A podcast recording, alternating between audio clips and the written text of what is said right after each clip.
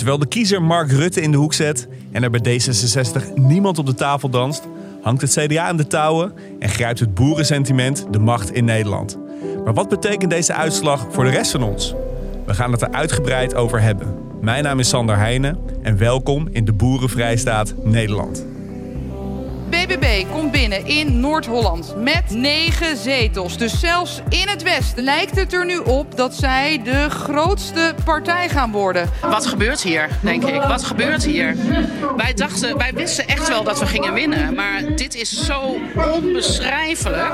En dat is natuurlijk waardeloos om te zien. En dat kunnen we alleen onszelf aantrekken. Maar dat is dus wel een stem die zegt, ja, dit stikstofbeleid van het kabinet, daar zijn we het gewoon niet mee eens. Ja, Hendrik Noten. Heb jij enig idee hoeveel boeren Nederland telt?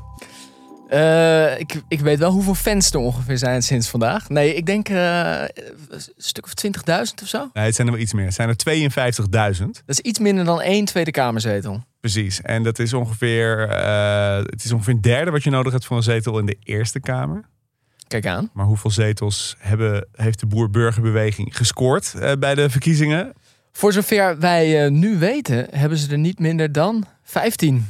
Ja, en daarmee zijn ze eigenlijk met stip de grootste. Veruit. Zij het dat de linkse wolk, PvdA en GroenLinks, die uh, gaan natuurlijk samen één fractie vormen. En die hebben hoeveel zetels samen? Ook 15 op dit moment. Ja, dus we gaan het in deze aflevering van uh, eh, BV Nederland gaan we het helemaal hebben over uh, de uitslagen van de provinciale statenverkiezingen en de uh, consequenties daarvan voor Nederland. En ik dacht, we moeten misschien eerst gewoon even de balans opmaken. Wat hebben we nou allemaal gezien? Hè? Dus het eerste benoemden we eigenlijk al. Caroline van der Plas, de Boer-Burgerbeweging, is met stip de grootste partij van Nederland geworden. Ja, en dat niet zo'n beetje. Ja, ze komt uh, binnen op één. Nou uh, heeft zij natuurlijk vier jaar geleden had ze een illustere voorganger die dat ook deed. De heer Thierry Baudet. De heer Thierry Baudet. Vindt hij niet leuk, hè, als je het zo uitspreekt. En dan zeggen Baudet. Ja. Bidet. uh, dus in die zin is het niet nieuw. Uh, zei het dat uh, zij natuurlijk dit jaar nog groter is. Een stuk groter dan hij toen de tijd was. Dus haar, haar uitslag is in die, in die zin serieus indrukwekkender. En het lijkt erop dat ze daarmee de grootste gaat worden. En ja, kijk, wij zaten met z'n tweeën hier te kijken naar de uitslagen op de bank bij Podimo. Gezellig, ja. Ja, jij was er wel en je was er niet stil, je was er niet stil van? Nee, ik was Er kwamen ik, wel wat geluiden uit jou. Ja, nou ja. Maar... Ja. ja. volgens mij moeten we zo meteen wat uitgebreider over Caroline zelf gaan hebben. En de, boer, sorry, de boer-burgerbeweging. Het is nu een hele grote partij. Waar we verder niemand van kennen. Dat wil ik wel even uh, gezegd hebben. Ja. Um, ja, ik ben er wel stil van, omdat het. Um, het is niet per se een partij die altijd helemaal binnen de lijnen van wat we wetenschappelijk kunnen vaststellen opereert. Laten we het zo even voorzichtig uitdrukken. Dus een wat ingewikkelde relatie met de waarheid. Ja, in ieder geval met, met hoe empirische uh, wetenschap werkt. Hm. Uh, het is een partij die is opgezet als lobbypartij, hè, afhankelijk. Gewoon de boerenlobby wilde een stem krijgen. Ja, en blijkbaar zijn nu gewoon drie op de tien kiezers uh, heeft dat uh, kunnen bekoren. Zeg ik dat goed? Nee, het zijn er iets minder. Nee, het zijn er wel 75 zetels. Nee, dus ja. wat is dat ongeveer? Het is s'avonds laat. Als je laat, mij dan gaat vragen om procentuele dingen uit te rekenen. Dus over vragen. Laten we er zo op terugkomen. Want volgens mij, je wilde de stand van zaken even opmaken. Precies. Dus nou, zij de grootste. Nou, dan hebben we uh, de linkse wolk gehad. Hè? Partij van de Arbeid en GroenLinks. Laten we die even samen pakken. Want ze gaan in de Eerste Kamer samen een fractie vormen. En hun hoop was heel erg dat zij samen groter konden zijn dan de VVD. Ja. En dat is gelukt, hè? Dat is ruimschoots gelukt, want zij komen op dit moment ook op 15 zetels. Eén zeteltje meer dan uh, uh, samen opgeteld bij de vorige Eerste Kamerverkiezingen. Daarmee eigenlijk op de tweede plaats. Ja, dus hun hoop was 1 plus 1 is 3. Ja. Dat is het net niet helemaal geworden, maar ze hebben toch één zeteltje meer dan ze hadden hè, in de Eerste Kamer. Ja, dus dat is van 14 naar 15 is dan niet helemaal 1 plus 1 is 3. Maar het is wel iets meer. Ik wil er zo meteen ook op terugkomen nog. Ja, precies. Um, dus we gaan straks uitgebreid op al die partijen in. Maar eerst even uh, de, de, hoofdzaken. Ja, dus dit zijn de twee duidelijke koplopers. En dan toch wel, ja, toch wel opvallend op plek drie. Met tien zetels. Uh, de VVD. Mark Rutte, Edith Schippers. Het is toch een behoorlijke, behoorlijk gat. Ja, het is, een, het is denk ik ook een klap voor ze. En ik denk eigenlijk ook, en ook daar gaan we straks wat meer over zeggen. Uh, they had it coming. They had it coming. Oké, ben ik zo meteen, ja, ben ik zo meteen Ja. benieuwd. Ja, dan D66. eh, die wilde doorbouwen hè, naar de eh, Tweede Kamerzege in eh, 2021. Maar hoe hebben die het gedaan in deze verkiezing? Ja, die gaan volgens mij, eh, die leveren in. Een, eh, een derde, zo'n beetje. Wordt een derde kleine. Dus hoeveel zetels houden naar die over?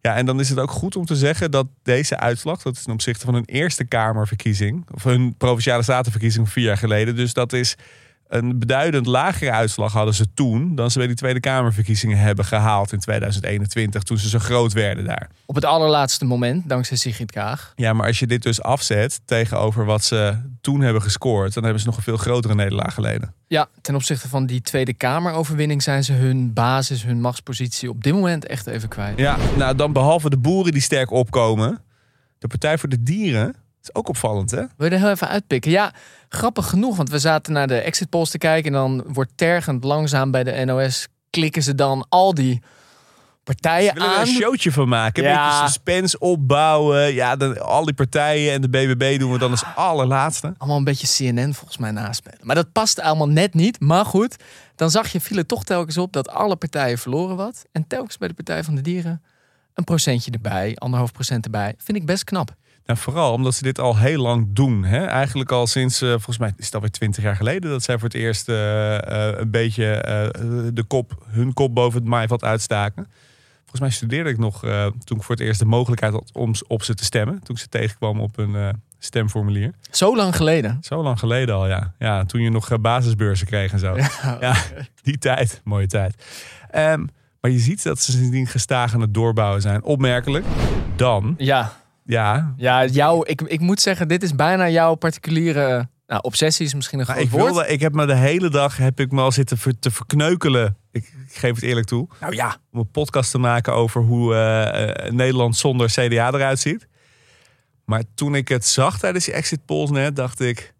hm, ik weet eigenlijk niet of ik dit nou... Ja, was het of, een beetje of een- dit nou mijn fantasie was. weet je, een gut punch. Ja, het CDA heeft ons natuurlijk al duizend jaar eh, geregeerd, maar die zijn nu echt gedecimeerd. Dat is echt nog maar een flinter van de partij die het ooit was. Want hoeveel zetels hadden ze en hoeveel hebben ze? Ja, ze hadden er negen en nu gaan ze naar vijf. Dus ze halveren eigenlijk bijna. En dat, ook daar geldt natuurlijk dat het al ten opzichte van een slechte verkiezingsuitslag was vorige keer. Dus de, de neerwaartse lijn eh, eh, ja, blijft zich echt nu heel hard Ja, want ze haalden ooit lachend eh, een derde van de zetels minimaal binnen. Ja, en zeker bij de Provinciale Statenverkiezing. Dat was echt hun electoraat kwam dan opdagen. En Precies, andere mensen bleven thuis. Nou, als je dan al halveert bij jouw verkiezing... Nou, dan wil je niet weten wat er bij een Tweede Kamerverkiezing gebeurt. Dus daar ziet het er heel slecht voor uit. Ja. De woppert. En dan nog even naar de grote winnaar van vier jaar geleden, Forum. Ja, Ja, dat is weg, hè? Daar blijft. Nou ja, ja, nee. Ik zou willen zeggen, eh, het is bijna weg. Hoeveel Ik zetels? zou nu een hele foute, dat ga ik niet doen, een hele foute grap kunnen maken. Maar eh, ze blijven twee zetels eh, blijven ze houden. Ja, nou, ze zeggen eigenlijk eentje meer dan ze voor deze verkiezing hadden. Want ze hadden bij de vorige verkiezing hadden ze er negen gehaald. Maar daarvan waren er acht afgesplitst. Dat is nadat eh, Baudet zich ging inlaten met allerlei eh, interessante theorieën over reptielen en eh, virussen niet bestaan. Dus Nee, maar dat blijft er wel bij opvallen. hè? eigenlijk verdubbelen zij het ten opzichte Ja. van wat ze gisteren hadden. En eigenlijk, ondanks al die reptielen en het toch antidemocratische, het, het openlijke fascisme, zijn er dus wel ja, toch twee zetels van mensen die zeggen prima. Ja, en dan, want eh, de vraag was natuurlijk, een van de vragen die we eh, tot niet zo heel lang geleden hadden, voordat we wisten dat eh, Caroline eh, ehm, eh, de nieuwe Baudet is. Misschien niet inhoudelijk, maar wel qua electorale aantrekkingskracht in de provincie. Ja, 21. Ja, Wij dachten van gaat ja 21 nou die kiezers opvegen die vorige keer op Baudet hebben gestemd? En ik denk dat we het antwoord wel hebben gekregen hè, vandaag. ja, niet in grote getalen. Drie zetels. Maar toch ook niet helemaal teleurstellend, denk ik. Ze zijn net groot genoeg wel om de VVD eh, wat kleiner te maken. Hè? Ja, precies. Het is, zijn toch die drie zetels. Ja, ik, het is. Ik bedoel, het is niet. eh, Joost Eertmans boekt geen grote overwinning. De- Heel particulier ben ik daar ook wel dankbaar voor. Ehm, Dat is een van jouw eh, fascinaties. Hè? maar, ze- maar zoals je bij Forum zou zeggen, ze zijn ook niet helemaal weg. Dus Nee. eh, nee. Nee, dus eh, dat edt het een beetje door. Ja. Eh, en dit is ook nog wel een opmerkelijk dingetje. We hebben bij deze verkiezing de hoogste opkomst in 30 jaar gehad. ja. Het viel mij op, ik heb gestemd in Amsterdam en ik stond in de rij. Ik was toevallig in de buurt van de Stopra, dus ik dacht ik ga eens in, de, in het stadhuis stemmen. Heb ik nog, Zo. nooit, heb ik nog nooit gedaan. Stemmen op stand. Nou ja, dat, dat dacht ik. Uiteindelijk heb ik dat niet gered. Oh. Stond zo'n lange rij. Toen ben ik maar even gaan kijken in zo'n app. En toen zag ik dat er een kerkje verderop, dat daar niemand was. Ja. Eh, overigens, de meneer van het eh, stemloket is een luisteraar van deze podcast. Dus eh kleine shout-out naar hem. Zo. Ja, is toch leuk? Maar hoe dan ook, hoogste opkomst in 30 jaar.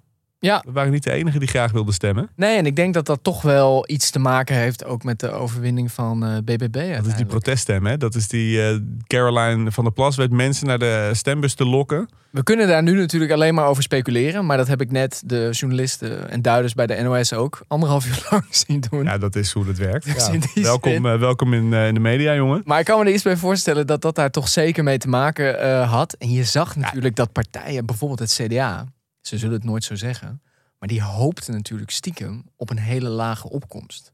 Zodat het relatief wat mee zou vallen. Dus je zag al toen die opkomst goed was, toen dacht ik eigenlijk al, oei, het ziet er slecht uit. Nee, maar even nog over deze speculatie.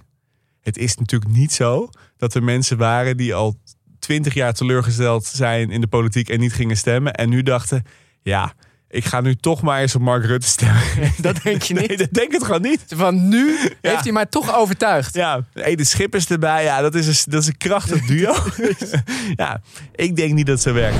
Oké, nou tot zover eh, de hoofdlijnen van de verkiezingsuitslag. En uiteraard is het per provincie, eh, nou, terwijl wij deze podcast opnemen, wordt er overal nog volop geteld. Maar wat opviel is dat in Overijssel, hè, jouw homebase, Ja, die, ja, die daar moeten we het toch even over hebben. Ja, want, want jij, ik zat naast jou, jouw vader is nog burgemeester geweest in een keurige gemeente in Overijssel. Ja, Maar ik had niet de indruk dat, dat daar nog iets van het eh, normale politieke landschap overeind is, toch? nee, kijk, BBB meer dan 30% van de stemmen daar gehaald. Ja, en dat levert hoeveel zetels op? Ja, volgens mij 17 zeg ik uit mijn hoofd. Ja, en de nummer twee, VVD? Vier? Vier zetels. Nee, dus dan heb je een behoorlijke Dan mag straatlengte. je junior partner mag je dan, eh, mag je dan aanschuiven. Ehm, ik moet wel bekennen, eh, achteraf is mooi wonen. En, maar ik hou van mooi wonen, dus dat komt goed uit. Daar woon je ook in Amsterdam tegenwoordig. Ik had, je had wel echt in Overijssel, eh, ik kom er regelmatig, mijn ouders wonen er ook nog. eh, een van mijn broers woont er ook nog. Als je daar kwam, de aanwezigheid van omgekeerde vlaggen, stickers, eh, zakdoeken aan auto's in de straat, was daar aanzienlijk hoger dan bijvoorbeeld hier in eh, Noord-Holland. Dus dat zeg jij, maar ik, wat, kijk, wat mij heel erg verbaasde is dat, dat, dat de duiders op televisie verbaasd waren dat er in Noord-Holland eh, Caroline de grootste was. Ik zit wel vaak op een fiets en dan rijd ik vaak de stad uit. En eigenlijk, zodra, je bent de weilanden nog niet in. Of de vlaggen hingen overal massaal op zijn kop in Noord-Holland. Noord-Holland is natuurlijk eigenlijk grotendeels ook een plattelandsprovincie. Alleen je hebt één grote en twee wat kleinere steden daarin liggen. Maar verder is het natuurlijk eigenlijk... Ja. heb je in eh, Overijssel misschien wel meer steden dan in Noord-Holland. Ja, nee, dus misschien, misschien klopt dat. Dan zeg ik dat en dan, eh, dan klopt dat. Mag ik nog twee dingen aan het algemene beeld toevoegen? Ja, mag nog een heleboel. Gaan we daarna inzoomen? op- Oh, oh, is goed. Dan gaan we eerst, eerst nog even hoog over en dan eh, de diepte in. Nee, dan, Eh, mooi, dan kan jij mooi. een paar dingen kwijt. Er zijn volgens mij wel. Er is één heel belangrijke eh, constatering. Als het zo blijft, dan heeft eh, de coalitie in de Eerste Kamer, zowel met de linkse wolk, een meerderheid om wetten door te voeren, als met BBB. Want ze hebben natuurlijk allebei met die 15 zetels. De coalitie komt samen op 24. Dus zowel over die linker of die Voor de meerderheid heb je er 38. nou. 38 nodig.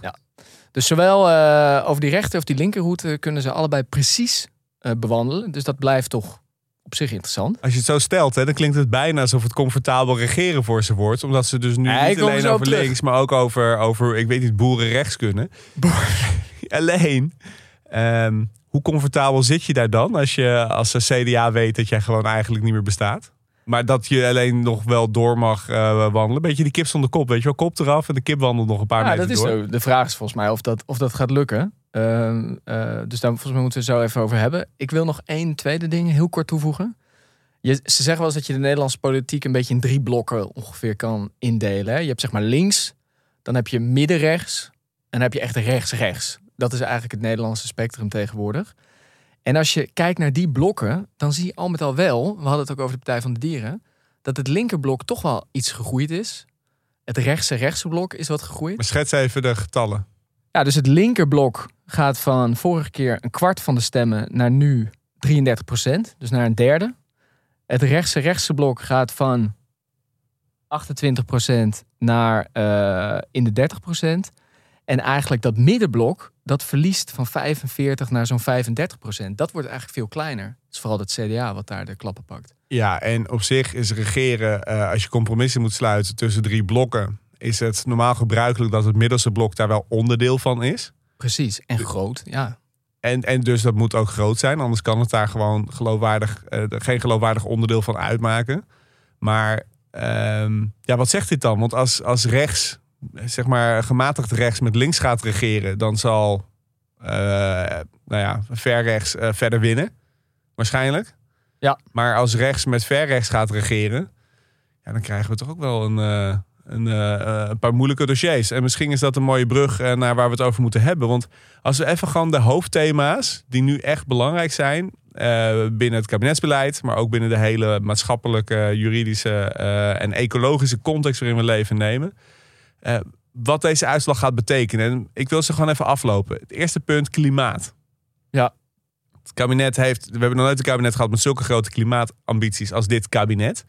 En dat is misschien niet eh, heel diep eh, gevoeld, maar gewoon het gevolg van internationale verdragen.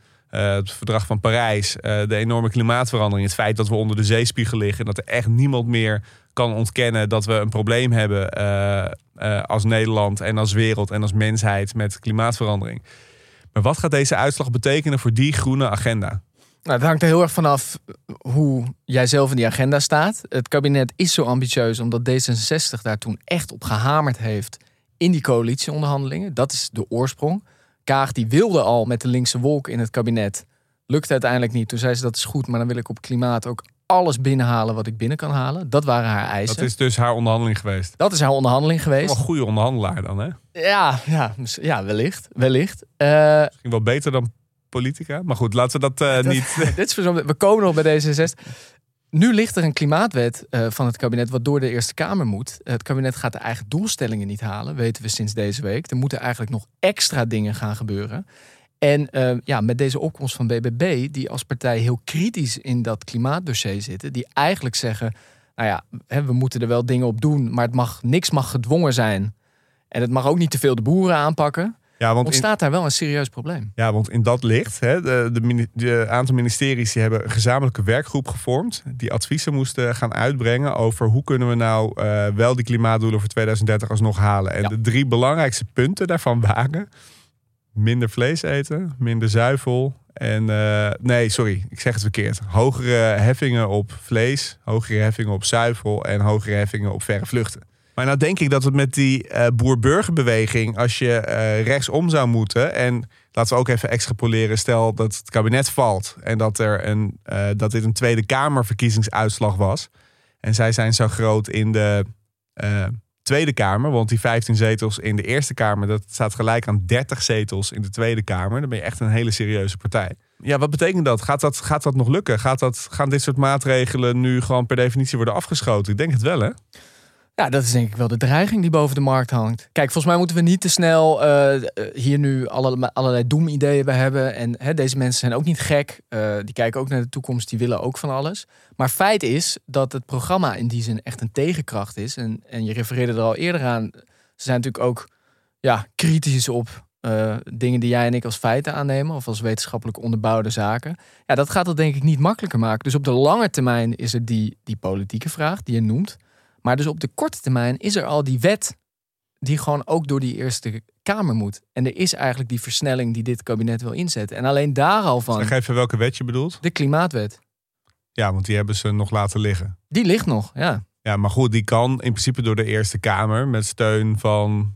GroenLinks en PvdA. Maar die hebben gezegd, we steunen hem alleen als hij ambitieuzer wordt. Ja, En de grote winnaar van deze verkiezingen is degene die zegt... het moet allemaal veel minder ambitieus. Dat is de politieke spagaat waar nu eh, de coalitie in gaat komen. ja dus dat gaat, dat gaat gewoon een splijtswam worden, politiek gezien. 100 procent. Ja. Ja. En dan wordt het ook de afweging: hè, durft, durft het kabinet toch door te pakken? Eh, en die enorme groep mensen die nu op eh, de BBB hebben gestemd, in die zin te negeren? Of durven ze, durven ze dat niet? Ja, als jij nu Rutte bent, durf jij te zeggen: ik ga het met GroenLinks PvdA doen, maar dan moet ik nog ambitieuzer zijn. Wetende dat ik eigenlijk nu al verslagen ben op een agenda die minder ambitieus is. Wat gaat er dan straks gebeuren als de verkiezingen aankomen? Als ik Rutte was, dan zou ik zou eh, een uitspraak die hij in een van de debatten deed bij Jeroen Pauw. Hè, die zei: Je moet weten wanneer je verantwoordelijkheid moet nemen als politicus. Ik denk dat dit wel een moment is om, eh, om eh, te gaan lobbyen bij de NAVO als ik hem was. Om te kijken of je daar toch niet Stoltenberg kan opvolgen. Want ik denk dat zijn langste tijd geweest is. Hey, volgende grote punt. misschien nog wel een groter punt. Want dat is natuurlijk het punt eh, en het, het sentiment waarop deze partij überhaupt is opgericht. Dat is namelijk stikstof. Ja. ja, daar speelt eigenlijk een groter probleem. Ja, want het kabinet heeft gezegd: we hebben een stikstofwet, maar de provincies moeten het gaan uitvoeren. Ja. Nou, we hebben nog niet, eh, terwijl wij opnemen van alle provincies de uitslagen gezien, maar wel van drie hebben we de uitslagen al gezien. En daarvan weten we in alle drie die provincies is de boer-burgerbeweging De grootste. de grootste. Klopt. Het kabinet heeft gezegd, eh, de provincies moeten die uitvoeren. En als de provincies het niet doen, dan nemen we als eh, landelijke overheid de regie terug. Of dan gaan we dwingen. Daar komt het eigenlijk op neer. Gaan we jullie financieel raken, straffen. Nou, ga er maar aan staan. Eh, dus daar gaat een enorme clash al ontstaan. Terwijl we het in de vorige aflevering natuurlijk hadden over een provincie als Brabant. Waar nu al eigenlijk gezegd wordt, we gaan geen nieuwe vergunningen meer uitgeven. Dus elke maand dat je met elkaar hier fitty over hebt, is een maand dat allerlei bedrijven, evenementen in de problemen komen. Precies, dat bedrijven niet kunnen uitbreiden, dat, dat huizen niet gebouwd kunnen worden. ehm, dat festivals niet door kunnen gaan. Ja. Dat niks een vergunning kan krijgen wat een vergunning nodig heeft. En dat is wel belangrijk, want dat heeft natuurlijk niks te maken met wat de volksvertegenwoordigers daarvan vinden. Want dit is gewoon een juridisch bouwwerk, een juridisch kader. Er liggen uitspraken van de rechter. En je kan dus gewoon, juridisch is het onmogelijk om, om die stikstofwetgeving te negeren daarin. Dus uiteindelijk is het ook weer een uitslag. En dat vind ik, dat vind ik misschien nog wel zorgelijker aan. De boerburgerbeweging is natuurlijk een campagne gaan voeren met de belofte: we gaan al die stikstofonzin eh, tegenhouden. Dat is natuurlijk eigenlijk de suggestie die ervan uitgingen. We gaan gewoon met gewoon gezond verstand gaan wij dit regelen. Alleen ze hebben daarmee tegelijkertijd meteen al een eigen teleurstelling ingebakken. Want je belooft de kiezer iets wat je op geen enkele manier kan waarmaken. Ja, tenzij je gewoon afscheid neemt van de rechterlijke macht. Maar die macht hebben ze dan weer net niet. Want onze grondwet zit gelukkig goed genoeg in elkaar daarvoor. Dus uiteindelijk, uiteindelijk gaat dit... eh, ofwel zullen ze door de pomp moeten. Want ze moeten gaan besturen. Ze zijn te groot om niet te besturen. Ja, want bijvoorbeeld Overijssel met die 17 zetels en de volgende kwam met 4. Ja, je kan niet, je Kan niet, niet. alle andere partijen samenzetten. Zou mooi zijn. Ja, ja dan moet je, dan moet je, BBB tegen het soepie. Dat kan je misschien net Forum eh erbuiten houden, maar verder moet iedereen dan eh, zo ongeveer meedoen. Ja, dat gaat niet. Nee. Dus zij moeten besturen. En er ligt gewoon, eh, liggen gewoon gerechtelijke uitspraken. Dus er moet iets gebeuren met die stikstof. Ja, en hier speelt ook dat die wet ook nog door de Eerste Kamer moet. Dus ook hier is weer de politieke vraag. Ga je als kabinet met links hem door de Eerste Kamer jassen, wetende dat BBB hem in de provincies moet gaan uitvoeren? Ja, en dat is toch wel echt ongelooflijk. Ik bedoel, die stikstofuitspraken zijn in 2019 gedaan. En toegegeven, daar heeft een corona anderhalf jaar, twee jaar tussen gezeten. Dus ik snap dat het toen een beetje naar de achtergrond was. Maar tegelijkertijd, dat je in die vier jaar tijd gewoon niet afdoende fatsoenlijke wetgeving hebt gemaakt. Hè, toen je de macht had. Om, om dit probleem, het allergrootste probleem dat Rutte voor de pandemie eh, op zijn bord heeft gekregen, om Ja. dat gewoon op te lossen. Ja, ik, ik vind, ja, god, dan verdien je het ook eh, wel om afgestraft te worden door de kiezer, toch? Dat, je refereer je nou aan een bepaalde partij ook? Of? Nou, eigenlijk aan alles wat nu aan het regeren is. Ja, nee, eens. En hier, volgens mij is dit ook echt het punt dat eh, het nu ook, zeg maar, het loopt nu echt vast. Hè? En ook de, voor de mensen die luisteren. Het was misschien heel lang een theoretisch probleem, kan ik me van alles bij voorstellen. Maar nu komen we echt op het punt, als jij een huis wil laten bouwen, krijg je geen vergunning. En we zitten met politici die er niet meer uitkomen over of het überhaupt wel een probleem is en hoe je het moet gaan oplossen. Ja. Daar, daar kunnen we niet in blijven zitten met En elkaar. even voor al onze randstedelijke eh, millennial luisteraars die zich afvragen hoe gaat mij dit raken? Nou, misschien dat Lowlands wel niet door kan gaan. Zo, nou, maar daar zeg je maar wat. Ja, nou, dan gebeurt er wat. Hè? Ja, Ja, dat is gebeurt land te klein. is land te klein. Ja, Wordt Feyenoord kampioen, kunnen ze niet gehuldigd worden. Weet je, krijg je dat soort dingen. dat zou ik persoonlijk. Oké, Feyenoord, ga maar door. Feyenoord, Feyenoord wordt geen kampioen. Oké, oké. Hey, dan het volgende thema. Eh, ook één grote, grote splijtswam waar het kabinet al eh, eh, heel lang mee worstelt. Dat is migratie. En die spreidingswet. De vluchtelingen die eh, hier binnenkomen en die op de een of andere manier over het land verdeeld moeten worden. Daar was de boerburgerbeweging ook geen, eh, geen, eh, geen groot voorstander van, hè, van die wet. Nee, de boer-burgerbeweging is uh, tegen drang en dwang, zoals ze dat dan zelf noemen. Dat geldt eigenlijk voor alle dossiers. Maar wat daar wel opvalt, en volgens mij had jij dat ook gezien, is dat ze zijn als partij op een aantal economische thema's zijn ze best wel gematigd. Kiezen ze een beetje ook, denk ik, waar de meerderheden zitten. Maar op een aantal culturele immigratiedingen zijn ze echt bikkelhard. Ze zijn gewoon knetterrechts, hè? Knetterrechts. Ze willen eigenlijk niks te maken hebben met dingen die van, van buiten komen. Nou, daar komt het toch wel een klein beetje op neer. Uh, die spreidingswet is heel belangrijk omdat gemeenten moeten uh, asielzoekers spreiden. Anders uh, slapen ze straks weer in tentjes. Dat willen we ook niet met ja, elkaar. Of liggen ze daar weer buiten in Groningen, daar in het grasveld. Ja, en daar zijn ze tegen, principieel. En hier zit weer het addertje onder het gras. Als de gemeenten dat niet willen doen, wie moet de gemeente daar dan toe gaan dwingen? De provincie. De provincies. En in die provincies gaat BBB de grootste zijn. Dus gaan die die gemeente daartoe dwingen? Ja, daar kun je wel vragen bij stellen. Ja, dat wordt echt ingewikkeld. Dat wordt echt heel ingewikkeld, want ook dit is volgens mij voor de coalitie een heel moeilijk onderwerp. Uh, overal wordt aangekondigd dat die noodopvang afloopt dit voorjaar op heel veel plekken. Uh, die crisisopvang. Uh, dus dit wordt ook echt op de korte, korte termijn, dit voorjaar, wordt dit echt een ingewikkelde vraag. Ja, en dan hebben we nog een ander groot dossier, de steun aan Oekraïne. Ja, dit is jouw ding. Dat moet je even toelichten. Nou ja, even om een beetje een, een illustratie te geven. Er is een motie ingediend uh, vrij recent. Ik dacht door Forum, maar dat weet ik niet helemaal zeker. En dat, het is een onzinnige motie. Hè? Want die motie zei, uh, het kabinet mag nooit Nederlandse dienstplichtigen uitsturen om mee te vechten in Oekraïne. Nou, dan maak je dus wel een paar hele grote stappen. Want ten eerste, Nederland vecht überhaupt niet in Oekraïne. Nee. En we hebben op dit moment eh, de dienstplicht opgeschort. Dus er worden geen dienstplichtigen überhaupt opgeroepen. Ik zat mij achter mijn oren te krabben van... Hè, heb ik dan die oproep heb ik gemist? gedaan? Wanneer was dit dan? Ja, heb ik dan zoveel gedronken Ja. dat ik daar helemaal niks meer van weet?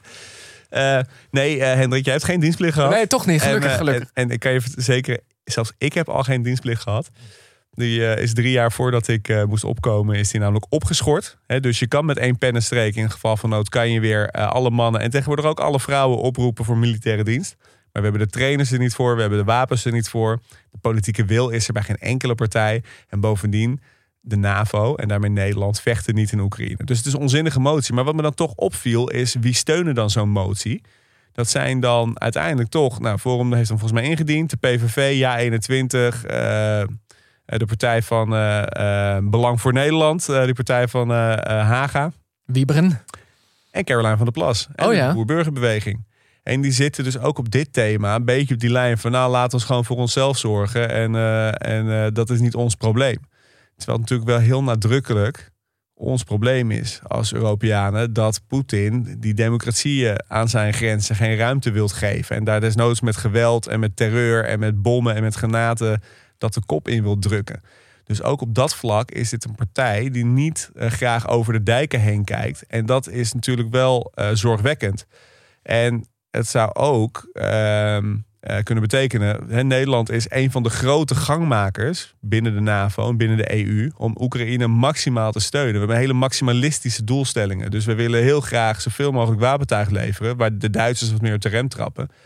En dat is dus ook een rol die we in Nederland hebben, eh, of, of nemen, en die Rutte erg eh, op zich heeft genomen. Eh, een van de dingen waar ik overigens van denk, dat doet Rutte goed, mag ook wel eens gezegd worden. Ehm, ja, dat, dat, dat, dat komt gewoon toch ook onder druk. Ja, de vraag die ik dan hier heel erg bij heb is... eh, zijn dit soort standpunten nou de, de essentie van uiteindelijk die partij? Of zijn dit ook dingen van, nou ja, ik start op, ik moet van zoveel dingen wat vinden... en ik weet het allemaal nog niet precies. Dat is, het. eh, Is dat een naïeve blik?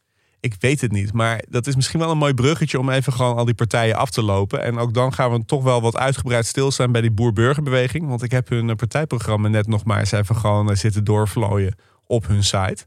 Want ik dacht, nou, daar staat dan ongeveer in eh, waar ze voor staan. Dan moet ik zeggen dat die. ze, willen, ze zijn nu zo groot. We constateerden al even, we hebben 52.000 boeren in Nederland. Er hebben nu miljoenen en miljoenen mensen op die partij gestemd. Dus dan moet je wel wat breder gaan kijken en je ontwikkelen dan alleen eh, belangen voor die 52.000 boerenbedrijven. Hè, dan moet je breder ontwikkelen. Als je dan op hun website kijkt naar hun eh, programma en hun actiepunten, ja, dan gaan toch de eerste vier, vijf hoofdstukken gaan alleen maar over de landbouw. Het gaat alleen maar over heel specifieke boerendingen. En als je dan het eerste hoofdstukje dat dan over burgers gaat, eh, gaat bekijken. Ja, dat begint dan met eh, COVID-dingetjes, COVID-beleid. Ja.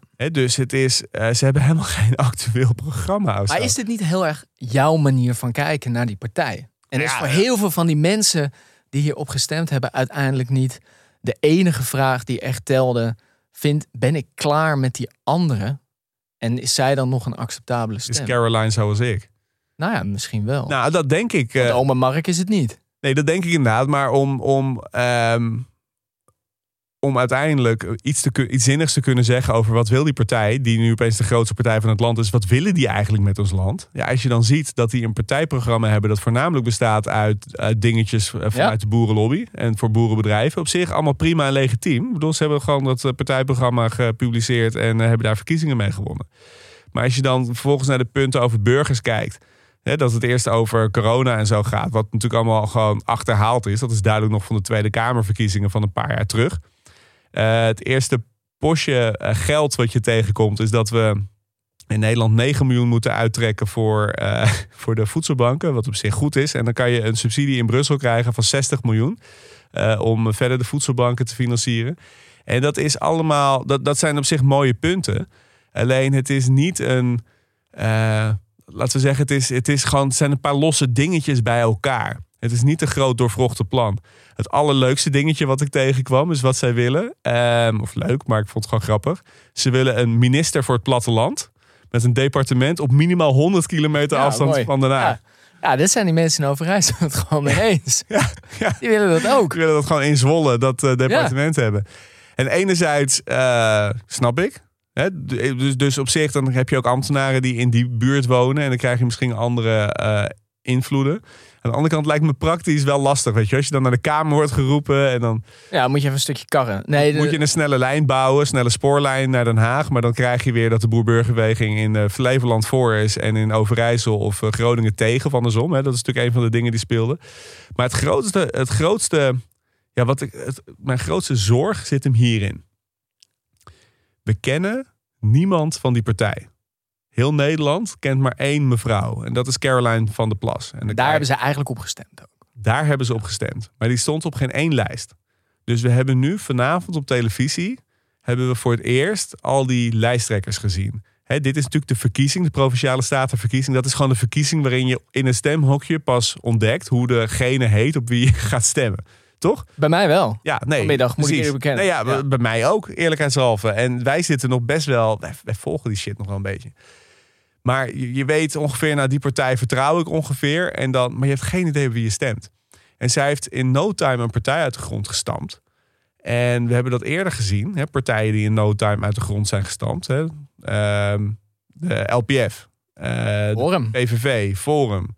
Al die partijen die, die, die, die blijken dan toch een heleboel avonturiers en gelukzoekers eh, te hebben aangetrokken. Die eigenlijk allemaal onderling ook weinig met elkaar gemeen hebben. Behalve dat er veel ruzie wordt gemaakt. En dan zeg ik niet dat dat bij BBB weer gaat gebeuren. Alleen als je in één keer zo groot wordt als partij.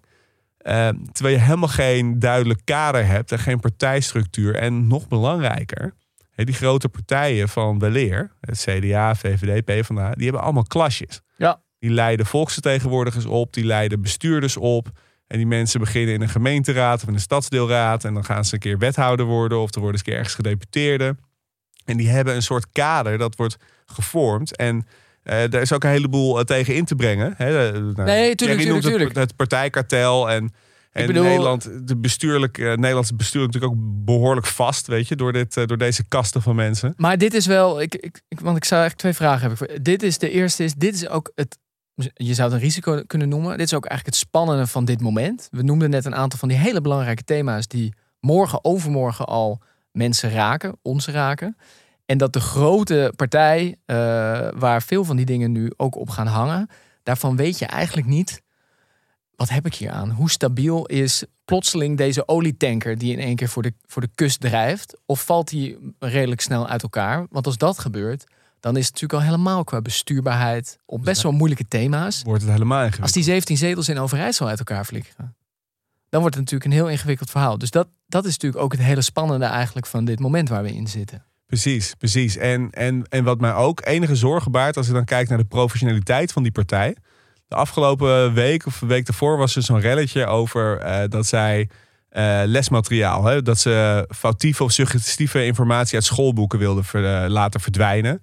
Hè, omdat dat ze vonden dat, dat, dat daar kinderen worden opgeleid anti-boer, zeg maar, in Nederland. Hè. En je mag dan niet dingen als legbatterij eh, gebruiken en allerlei dat soort termen. Er was een relletje over. Hè? Toen zeiden ze, ja, ja, was een beetje onze bravoure toen we net begonnen. Maar ik zit nu op hun website te kijken naar een partijprogramma. Het staat er gewoon in. Weet je? Dus Ja. ze hebben dat dan blijkbaar in woord ingetrokken. Maar ze hebben dus niet eh, de professionaliteit of de, of de scherpte van geest. Om dat dan ook daadwerkelijk te schrappen uit je programma. En dat is op zich, kan je zeggen, dat is een kleinigheid. Dat is iets futiels. En ik ben een eh mierenneuker. Dat kan je enerzijds zeggen. Maar anderzijds, besturen gaat ook over zorgvuldigheid. En dat gaat over dat je overziet wat je zegt en wat je doet en welke handeling je pleegt. Ja, dat daar een soort van coherentie in zit. En dat zit daar dus niet bij die partij op dit moment. Nee, en wie weet tot wat voor ongelukken dat nog eh, gaat leiden. Op. Nou ja, laten we even kijken alle grote dossiers waar we op vastzitten. Stikstof waar nooit iets aan gedaan is. De toeslagenaffaire. Het gedoe in Groningen met die aardbevingen. Gewoon al die thema's waardoor die burger terecht een dikke vinger naar, eh, naar de besturende partijen geeft. Want dat is natuurlijk gewoon wat er vandaag gebeurt. Is het gewoon echt een was- dikke vette middelvinger naar, naar besturend Nederland. Dat is deze uitslag. Maar uiteindelijk moet je daar dus, als je daar eh, afscheid van wilt nemen, moet je daar dus met hele kundige mensen en professionele en gedisciplineerde mensen met goede ideeën, doordachte ideeën, die daadwerkelijk iets positiefs betekenen en kunnen betekenen in het leven van burgers, moet je daarin gaan. En we hebben dus geen idee of deze partij dat heeft. Oké, dus vorige week maakten we ons zorgen over de bestuurlijke puinhoop in het land. En nu eh, is er eigenlijk de hele grote zorg. De reactie van de kiezer kan je nog wel begrijpen, want je zei aan het begin: they had it coming. Eh, maar of dit ons uit die puinhoop helpt of er nog verder inbrengt, dat is wel iets om nog even van wakker te liggen. Misschien komende tijd. Mag ik nog één heel kort punt aan aanstippen? Zeker. En dan ga ik daarna nog een heel klein eh, partijtje aanstippen. Oké, heel goed. Want de linkse wolk, daarvan eh, zei je al 1 plus 1, eh hoopte ze is 3. Nou, eh, het is eh, 1 plus 1, eh, Ja, het is- een heel klein beetje erbij. precies. Het is 8 plus, eh, plus 6 is eh, Ja. 15 geworden. Toch Ja. zou ik daar wel een, een kanttekening bij willen maken, namelijk dat electoraal gezien leidt die samenwerking niet tot heel veel extra stemmen of ongeveer hetzelfde. Dat wil natuurlijk niet zeggen dat het niet leidt tot extra macht. Want dit is natuurlijk gewoon de essentie van politiek, is dat je fuseert, samenwerkt, een groter blok vormt. En het feit dat het blok stand houdt, is wel iets wat eh, het spel gaat veranderen de komende tijd. Sterker nog, de hele machtspositie van Rutte de afgelopen 13 jaar is natuurlijk niet dat hij nou heel groot is. Nee, hij had nooit 50% van de stemmen. Nee, hij had altijd maar rond de 3, 4, 25 procent van de kiezers achter zich. Maar omdat de anderen allemaal minder hadden. Nee, dus klopt. Je kan eh, aan machtsvorming doen. En als je met een geloofwaardige campagne komt. Want dat wil ik nog wel zeggen over dat 1 plus 1 is dat 3. Ja, we hebben de afgelopen dagen alleen maar mensen op televisie en de radio gezien. Hè, lokale of provinciale lijsttrekkers van GroenLinks en PvdA... die aan het benadrukken waren hoe ze toch ook nog wel weer anders waren dan die ander. Terwijl als je gewoon een goede gezamenlijke campagne opzet... dat het duidelijk is waar je op stemt... en dat die duidelijk uitstralen... wij willen samen dit bereiken voor het land... Ja, ik denk dat je daar wel verder mee komt dan als je, ja, wat we nu gezien hebben. Van helemaal mee eens. Dus we hebben twee machtsblokken en dat is toch echt heel anders. We hebben BBB, we hebben die linkse wolk, die ook uit elkaar had kunnen vallen. Is voorlopig nog niet gebeurd. Die allebei een stuk groter zijn dan de VVD. En daarmee denk ik ook wel dat het misschien wel eens een beetje het begin van het einde kan zijn. Nu echt van eh tijdperk Rutte. Maar we gaan het zien. Ja, nee, laten we dat dan ook eh, daar even bij houden voor wat betreft de VVD. Daar gaan we het vast nog veel vaker over hebben. En we hebben het er vaak over gehad. Nog één dingetje waar ik nog heel veel eh, het over wil hebben is... eh, weet je nog dat niet zo lang geleden ze bij de VVD knikkende knieën kregen... bij de gedachte dat Wopke Hoekstra misschien wel de leider van het CDA kon worden. Arme man. Ja, arme man. Nee, hij is helemaal niet arm. Die man is schatrijk. Ja, dat is waar. Zijn zakken gevuld als consultant. Ja, het CDA. Dit land is gebouwd op eh, christelijke waarden. is- Sociaal-christelijk gedachte. Dit is wel echt heel fundamenteel. Hè? Nederland is echt sinds 1946 vrijwel onafgebroken door het CDA en diens voorlopers bestuurd. hoe onze zorg werkt, het onderwijs, eh, eigenlijk het hele kostwinnaarsmodel dat we heel lang hebben gehad in Nederland, komt allemaal, door, allemaal terug te voeren naar het CDA, jongen. Het is echt. En dat hele blok is weg. En weet je wat ik dus zo interessant eraan vind? Is het CDA had echt alles in huis om, om misschien wel hier als grootste uit de bus te komen. Ze hadden namelijk de enige man die geloofwaardig en ook eh, misschien wel iets meer dossierkennis oppositie kon voeren tegen Rutte. Dat is namelijk. Hugo de Jonge? Begin jij weer over die piñata? Nee, dat was? Pieter Omzicht. De omzicht, ja. Pieter Omzicht. Door dit hele BBB-succes, dat is helemaal op het thema van Pieter Omzicht. Ja. het omkijken naar het platteland. Niet het land besturen op basis van modellen. Veel meer oog voor de burger. Het herstel van het sociale contract. Het is één op één het verhaal van Pieter Omzicht. En ze hadden hem in huis. Ze hadden hem als lijsttrekker kunnen hebben. Ze hadden hem als partijleider kunnen hebben. En ze hebben op de een of andere manier gedacht dat ze eerst die verkiezing heel gek moesten doen om Hugo de Jonge naar voren te schuiven. En toen Hugo de Jonge toch uh, dat niet bleek te trekken of het niet bleek te zijn. Dat niet de logische tegenkandidaat Pieter Omtzigt het dan werd, maar dat Wopke Hoekstra naar voren moest komen. En toen waren ze vervolgens bang dat hij nog weer moeilijk zou gaan doen uh, als het ging om het voortzetten van, het, uh, kabinet, van de kabinetten Rutte. En toen hebben ze hem kalt gesteld met functie elders. Ja, pijnlijk. Het is echt pijnlijk. Ja. Maar het is ook de, ja, de ene na de andere fout uh, wat dat betreft. Nou, één ding weet ik zeker. We hebben de komende tijd nog genoeg om over te praten. Heerlijk. Heel goed. Hey, reacties van luisteraars. Ja, we kregen een aantal mailtjes. Daar wil ik altijd benadrukken dat ik mensen heel dankbaar voor ben. Dat is tenminste als ze ons niet uh, als het geen dreigmailtjes zijn en zo, maar tot op heden gaat het goed. Tot op heden zijn mensen aardig. Ja, ja en een aantal van die mailtjes hadden de toon: jongens, ik waardeer uh, jullie podcast, maar uh, ja, ik ben het ook niet altijd met jullie eens. En ik leg graag uit waarom. Daar ben ik heel blij mee. Zeker. Ja, wij. nog. Toch? Ik denk dat we ook wel weer een moeilijk land krijgen als we helemaal één op één doen wat wij uh, allemaal adviseren. Precies, dus ik ben heel, heel blij als je het niet met ons eens bent. En voel je ook echt vrij om dat te laten, laten weten. De andere was nog dat we te vaak schelden. Oh, toch wel? Wat merkte dat op? Oh ja? Ja, ja. ja shit. Of, nou moeder? Ja. Nou, nee, nou, of, volgens mij niet. Uh, dus die. En de andere ging nog over, dat is leuk in het kader van vandaag. We hadden natuurlijk vorige week een beetje een pessimistisch betoog over de democratie. Ja. En toen zei iemand van ja, maar ja, jongens, we krijgen toch allemaal het land dat we willen. Want ja, Rutte is al jarenlang de grootste. Dit is waar ervoor gestemd wordt. Dus wat is er nou eigenlijk mis mee? Nou, nou dit.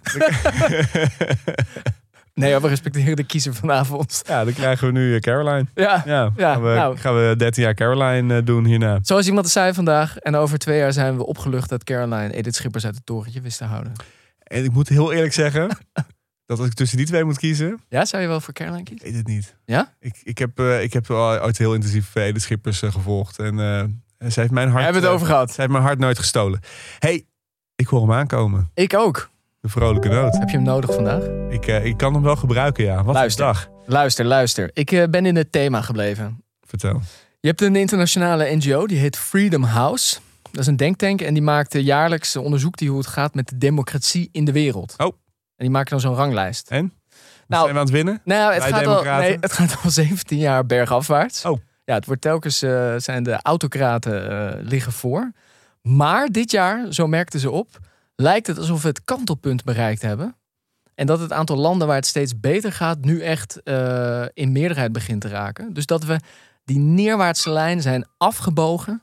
En dat we eigenlijk weer de lijn omhoog gaan zoeken met elkaar. En als je nou kijkt naar het aantal mensen dat woont in een land dat democratisch bestuurd wordt. Ik heb dat niet helemaal, dat heb ik niet helemaal uitgezocht erbij. Maar dus na Sorry, 17 vrolijk... jaar pessimisme gaat het misschien weer beter worden. Nou, dus de boeren nemen Nederland over en de democraten de wereld. Feestje van de democratie nou, vandaag. Klinkt echt uh, top. Oké okay, jongen, dan gaan we hem afsluiten. Maar niet voordat je hebt gezegd dat. Dank voor het luisteren. Uh, volgende week zijn we er weer. Dan weer hopelijk met een normale, iets minder adrenaline gedreven aflevering. Heb je vragen of ben je het dus met ons oneens? Wat mag. Het is Wat een vrij land, volgens nog. Volgens... Dit soort insinuatie. Dat kan door te mailen naar bvnederland.luistergoed creator-podimo.com. Maar het staat ook in de show notes. En je kan ons ook opzoeken op de Instagram BV Nederland of op LinkedIn Hendrik Noten, Sander Heijnen. En vergeet deze aflevering vooral niet te delen met anderen. Daarmee gezegd, we breiden er een eind aan. Dat was een lange avond, jongen. Dat was een lange avond. Ik uh, zou zeggen, ik ga die podcast al monteren. Ga jij lekker slapen. Oh, heerlijk. En we spreken elkaar volgende week. Tot volgende week. Yo.